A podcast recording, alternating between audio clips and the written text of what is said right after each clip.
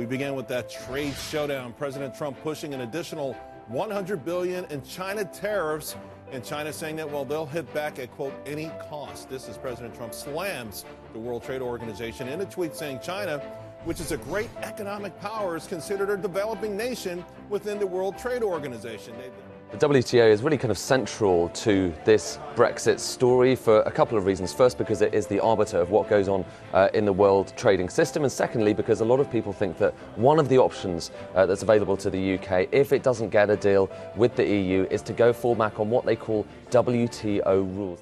And bear in mind that unlike you, hardly anybody listening to this program knows the first thing about the WTO. A lot of us would struggle to spell it. Uh, well, I'm, I'm glad people are paying attention to it. I dagens mediebilde hører vi mye om problemer relatert til internasjonal handel. Hva blir følgene av handelskrig mellom USA og Kina?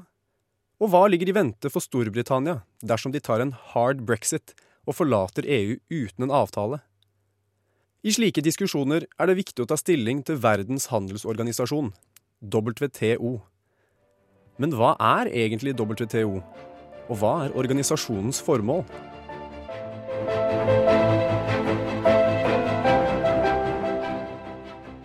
Det selverklærte formålet til Verdens handelsorganisasjon er å fremme fri handel og legge til rette for rettferdig økonomisk konkurranse mellom nasjoner.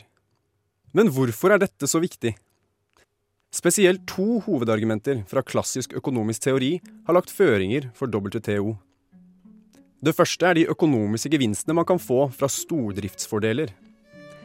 Stordriftsfordeler er betegnelsen på at det å produsere mange varer eller tjenester er billigere per produserte enhet enn om man produserer i mindre skala. F.eks. vil en bilprodusent som kun produserer for det norske markedet, ikke kunne tjene like mye som om de produserte for hele det europeiske markedet. Da vil bilprodusenten kunne tjene mer, og forbrukerne vil kunne ta nytte av billigere biler. Det andre argumentet er basert på komparative fortrinn. Et land burde fokusere ressursene sine på å produsere det de er best til, og så handle med andre for å få det de er gode til. Istedenfor at Portugal og Skottland begge skulle produsere både vin og whisky, er det lønnsomt for begge parter å bruke ressursene sine på én ting. Vin produseres i Portugal, og whisky i Skottland. Men det argumentet som kanskje har vært absolutt viktigst, er at handel skaper fred. Today is Victory in Europe Day. But let us not forget for a moment I tiden rett etter andre verdenskrig var det stor enighet om at krig måtte unngås. Og dersom man var økonomisk avhengig av hverandre, ville det koste mer å dra til krig. Dette ga pågangsmot for å etablere et sett med felles regler for internasjonal handel. Og i 1948 signerte en gruppe land under på den første versjonen av The General Agreement on Tariffs and Trade. Denne avtalen ble bygget videre på, og i 1995 ble den innlemmet i regelverket til en ny organisasjon, Verdens handelsorganisasjon.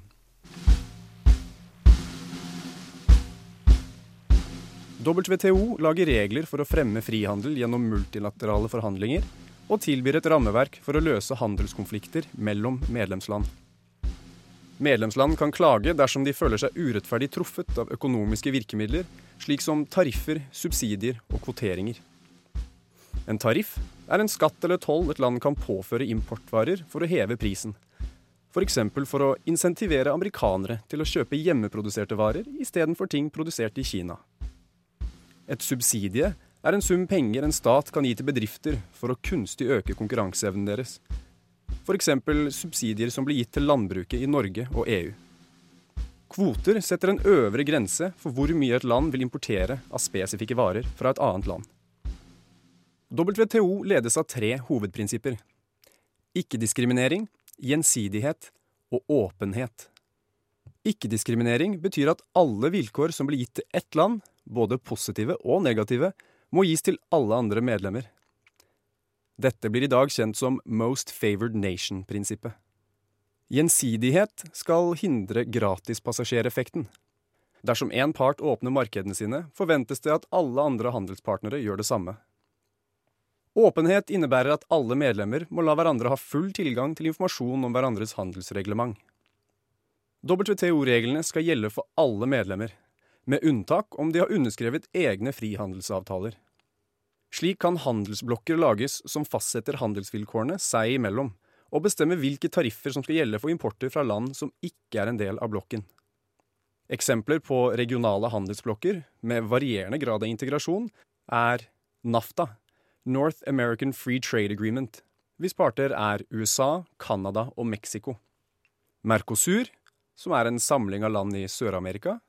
ASEAN, Association of Southeast Asian Nations.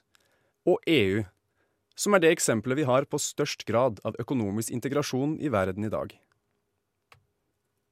Anno 2019 har WTO 164 medlemmer, og om lag 95% av all internasjonal handel foregår mellom medlemslandene. Forskning viser at dersom WTO ikke fantes, ville de fleste land i verden sett en tarifføkning på 32% på eksportvarene sine. Og det har faktisk blitt mindre krig i verden også.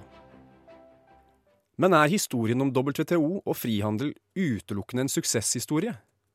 Mye kritikk har rettet seg mot hvordan WTO-regler er bra for rike, moderne land, men faktisk skadelig for utviklingsland. Den største kontroversen handler om handel i landbrukssektoren. Kritikere sier at relativt fattige nasjoner, som ofte er avhengig av landbrukssektoren, blir tvunget til å åpne sine egne markeder, samtidig som de blir møtt med barrierer som gjør det umulig for dem å eksportere til de største markedene, f.eks. i EU. Om du kjøper at frihandel er bra for alle eller ikke, spiller WTO fortsatt en sentral rolle i diskusjoner om verdensøkonomien. Selv om vi kanskje ikke er i stand til å spå nøyaktig hva som blir følgende av handelskriger og brexit, så håper jeg du har blitt bitte litt mer klok på WTO sin rolle i det hele.